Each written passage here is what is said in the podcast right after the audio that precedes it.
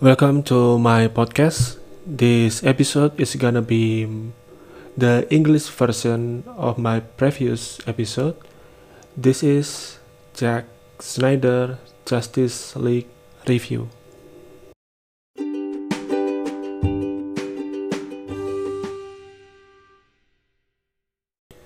I make time step so you can click on the description to listen on the selected part that I want to talk about. So let's begin. Finally, on Thursday, March 18, 2021, Zack Snyder Justice League officially airs on HBO Max and HBO Go.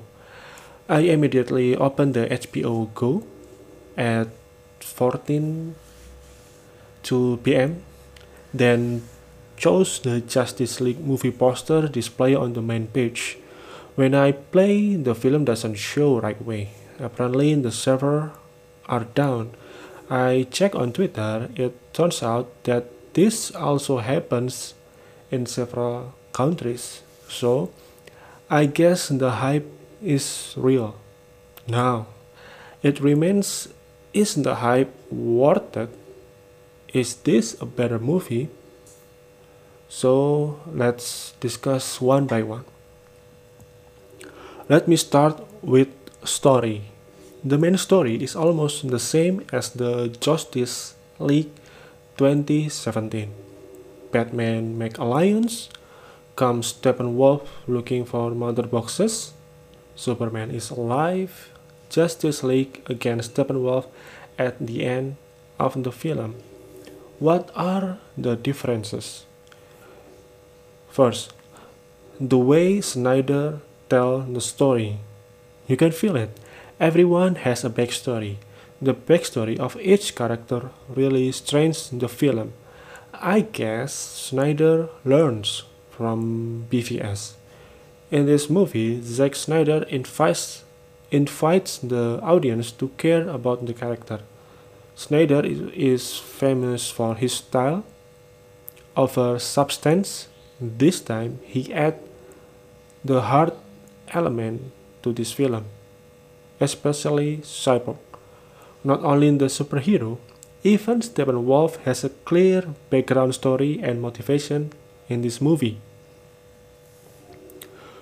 Visual. My knowledge is too little to talk about cinematography, but I can say that the visual in Zack Snyder's Justice League is very intentional and ambitious. I had read Snyder want this movie to be like Lord of the Ring. Honestly, I had a little doubt. After I watched the film, wow, Snyder really want to be as grand as Lord of the Ring. He nailed it. Almost. A colossal film complete with spectacular war and action, as well as supportive mythology, the story of the Amazon and the Atlantic. Lord of the Ring is known for its equally strong trilogy. At Zack Snyder's Justice League, Snyder has provided a glimpse of what happened in Justice League 2. Snyder himself did not know if his film would exist. Judging from the reaction of Zack Snyder's Justice League film audience, they will most likely ask for a sequel. Maybe hashtag Justice League 2, hashtag Justice League 3, or maybe hashtag Restore the Snyder Verse.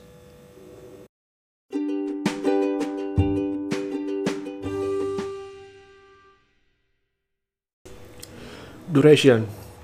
This is very tricky. Not everyone can watch for hour movie. It feels too long, I know. But apparently this film doesn't feel like for hours. The movie has six chapters. Well, there is one additional chapter called epilogue. But this movie know when to put action scene, insert dialogues, and sort each chapter. We don't have to wait at the end of the film for the most exciting scene. Each chapter has a big action scene. Each chapter has its own special moment. Batman, Wonder Woman, Superman. Spoiler alert. Batman has the same vision and mission, but this time there is no scene of Superman saying, Do you plead to Batman? Then throw him to the ground. Batman is more serious, no unnecessary funny scenes. He becomes the leader of the Justice League and has a lot of action scenes. There is no romance scene between Batman and Wonder Woman. Well, actually, I kinda love that romance. Bruce Wayne needs hope. He needs a better life, but that's just my opinion. Wonder Woman takes the lead while at war. Her experience against Ares, see Wonder Woman 1, is shown here. Diana Prince has lots of action scenes from start to finish. Wonder Woman vs. Steppenwolf is also great. Superman comes to life again in the same way. Cannot remember remember who he is, then at the end manages to beat Steppenwolf the good thing is no more mustache and bird remover CGI. Clark Kent or Superman speak like a normal human being and that is a good thing. On the downside, Superman appears very little. In the Justice League, Superman comes a lot more, have scenes and dialogues to support the character, explain why he is important to the world in strength and presence. Hopefully, there is a follow up film. Let's hope there is. Snyder can show how important Superman or Clark Kent to the world the right way. Cyborg, The Flash, Aquaman. Cyborg, the heart of the movie. Cyborg has the most complete origin story compared to Flash and Aquaman.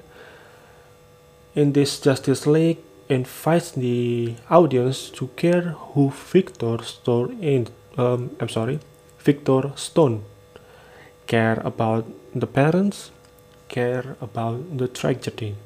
Cyborg has central moment in this movie. The Flash has a little backstory but is effective at the end of the final battle he recalled his father's words and did a brief flashpoint to take a few seconds back.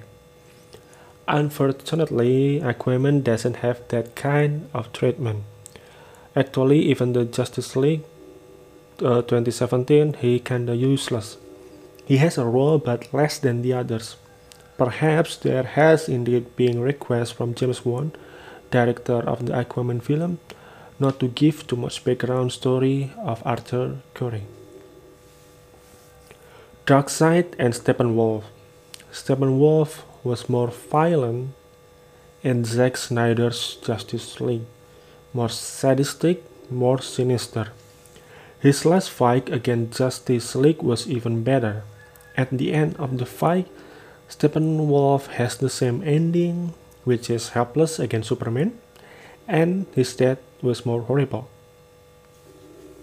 Darkseid, the bigger villain, which was deleted in the Justice League, appear in Justice League 1 for introduction and preparation for Justice League 2 and 3. Darkseid will search anti-life equation, something that control humans to submit and obey Darkseid. In the nightmare scenes, there is also Cyborg's vision, Superman is seen holding a burning body. Behind him, there is Darkseid grabbing Superman's shoulder. It seems Superman will be controlled by Darkseid. In Cyborg Vision, Wonder Woman dies and Darkseid kills Aquaman. Darkseid ruling the Earth is what happened in the Nightmare and will happen in Justice League 2 and 3.